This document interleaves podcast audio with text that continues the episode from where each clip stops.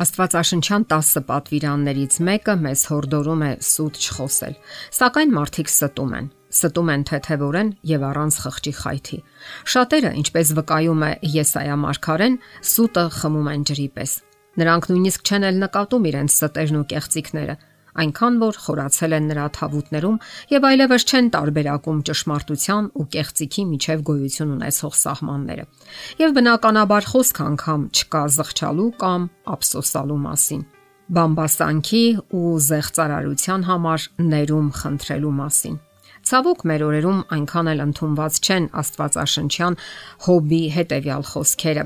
Վասն որո նվաստանում եմ եւ զղջում հողի եւ մոխրի վրա եւ քչերը կարող են անկեղծորեն խոստովանել, որ զղջում են իրենց մեղքերի համար եւ պատրաստ են ներում խնդրել։ Աստվածաշնչում կարդում ենք. այնտեղ վայր կընկնեն անօրենություն գործողները, դեն կգծվեն եւ էլ չեն կարողանա վեր կենալ։ Մենք գուցե շղթենք, փորձենք ծածկել խափեությունը կամ մեր անարժան վարքագիծը, սակայն մեր մեղքերը շատ տարօրինակ հատկություն ունեն։ Նրանք մերկացնում եւ բացահայտում են իրենց Մինչ մարդիկ փորձում են միամտաբար քողարկել իրենց սխալները, մեղքերն ու ստախոսությունը, Սողոմոնը գրում է. իր հանցանքը ծածկողը չի հաջողվի, բայց խոստովանողը եւ թողողը ողորմություն կգտնի։ Ցանկացած սուտ եւ կեղծիկ վաղ թե ուշ բացահայտվում է եւ նրա հետևանքները միշտ արկա են։ Եթե նույնիսկ ոչ այս կյանքում, ապա մեծ դատաստանի օրը բոլորս ենք հաշիվ տալու մեր ապրած կյանքի գործած սխալների ու մեղքերի համար այդ թվում ստախոսության համար։ Խորամանկ, դատարկ պատճառաբանությունները չեն պատասխանում կարևոր հարցերին։ Կյանքը մեր արչև այնպիսի հարցադրումներ է դնում, որոնք առանց ազնվության ու անկեղծության հնարավոր չէ լուծել։ Հակառակ դեպքում մենք սկսում ենք ինքնախապեյությամբ զբաղվել կամ խեղաթյուրել ճշմարտությունը չնչին անլուրջ դատողությունների կամ մեծ ադղորդ հայտարարությունների հետևում հաճախ լուրջ մեղքեր են թաքնված Սա այն դեպքն է, երբ ջնջվում են կամ փորձեր են արվում ջնջելու ճշմարտության եւ իրականության միջև գոյություն ունեցող սահմանները։ Ստախոսությունը միանշանակ մեղք է։ Այդ մասին է վկայում Աստծո օրենքը։ Նա մեզ ցույց է տալիս մեր մեղքը, իսկ դա շատ կարևոր է տեսնել մեր իրական ճշմարիտ վիճակը։ Ինչ ենք անում մենք, երբ հայելու մեջ տեսնում ենք մեր դեմքի կեղտը։ Գնում ենք լվանալու։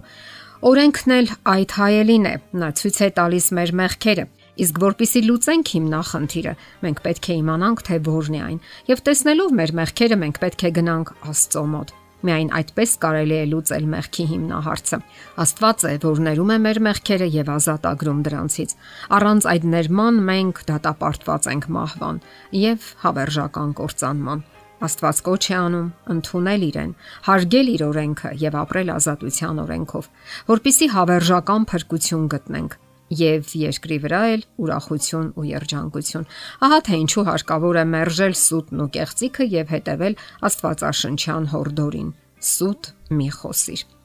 Շատերն այստեղ սայթակում են առանց գիտակցելու, որ Աստծո դիրքորոշումը շատ հստակ է եւ որոշակի։ Զղջացեք ձեր մեղքերի համար, գիտակցեք դրանց ահավորությունը։ Հետևանքները parzabanum է Աստծո խոսքը իր հանցանքը ծածկողը չի հաջողվի, բայց խոստովանող եւ թողողը ողորմություն կգտնի։ Սա նշանակում է, որ չի կարելի աչքակապուկ խաղալ Աստծո հետ։ Դա անիմաստ ու դատապարտված զբաղմունք է։ Շատերը հաջողությամբ խափում են միմյանց, սակայն խափել Աստծուն հնարավոր չէ։ Եվ նա հստակ parzabanum է, որ հնարավոր չէ իրենից թաքցնել ոչ մի մեղք, սխալ արարք կամ թերություն Դա ոչ միայն հաջողություն չի բերում, այլ ավելի է հաստատում մարդուն իր սխալի մեջ։ Իսկ ահա խոստովանելն ու ապաշխարելը կարևոր քայլ է ներում ստանալու ճանապարհին։ Ապա ներման խնդրանքին հաջորդում է Աստծո պատասխանը՝ ողորմությունը։ Այսինքն Աստված ջնջում է բոլոր մեղքերը հին մարդու հետ միասին։ Նա նոր մարդ է արարում նոր մտքերով եւ նոր սկզբունքներով Նոր մարդն ունի նոր հայացքներ եւ դատողություններ կյանքի ցանկացած արարքի վերաբերյալ։ Հաճախ կարող է այն տպավորությունը ստեղծվել, թե սահման չկա ճշտի ու ստի միջև, սակայն այդ հստակ գիծն է անցնում Աստվածաշնչյան ողջ ուսմունքի մեջ։ Աստվածաշունչը մարդուն կոչի անում ոչ թե արթարանալ կամ թույլ պատճառաբանություններ բերել, այլ գիտակցել, թե ինչ է տեղի ունենում։ Այսօր աշխարհում ամեն ինչ տանում է անհատապաշտության ճշտի ու սխալի սեփական չափանիշների հաստատման։ Իսկ Աստծո համար սուտը բացարձակ անընդունելի է եւ նա կոչ է անում լուրջ մտորումների, ապաշխարության եւ անկեղծ աղոթքների։ Ապաշխարությունը խոր վիշտն է եւ տրտմությունը մեղքերի համար, որովհետեւ դրանք վիրավորում են Աստծուն եւ ցավ պատճառում նրան։ Ապաշխարել նշանակում է ցավ զգալ գործած մեղքերի համար, որովհետեւ Աստված արդեն զգացել է այդ ցավը։ Ճշտախոս մարդը ապրում է հանգիստ խղճով եւ անընդհատ ինչ որ բաներ թաքցնելու կարիք չունի։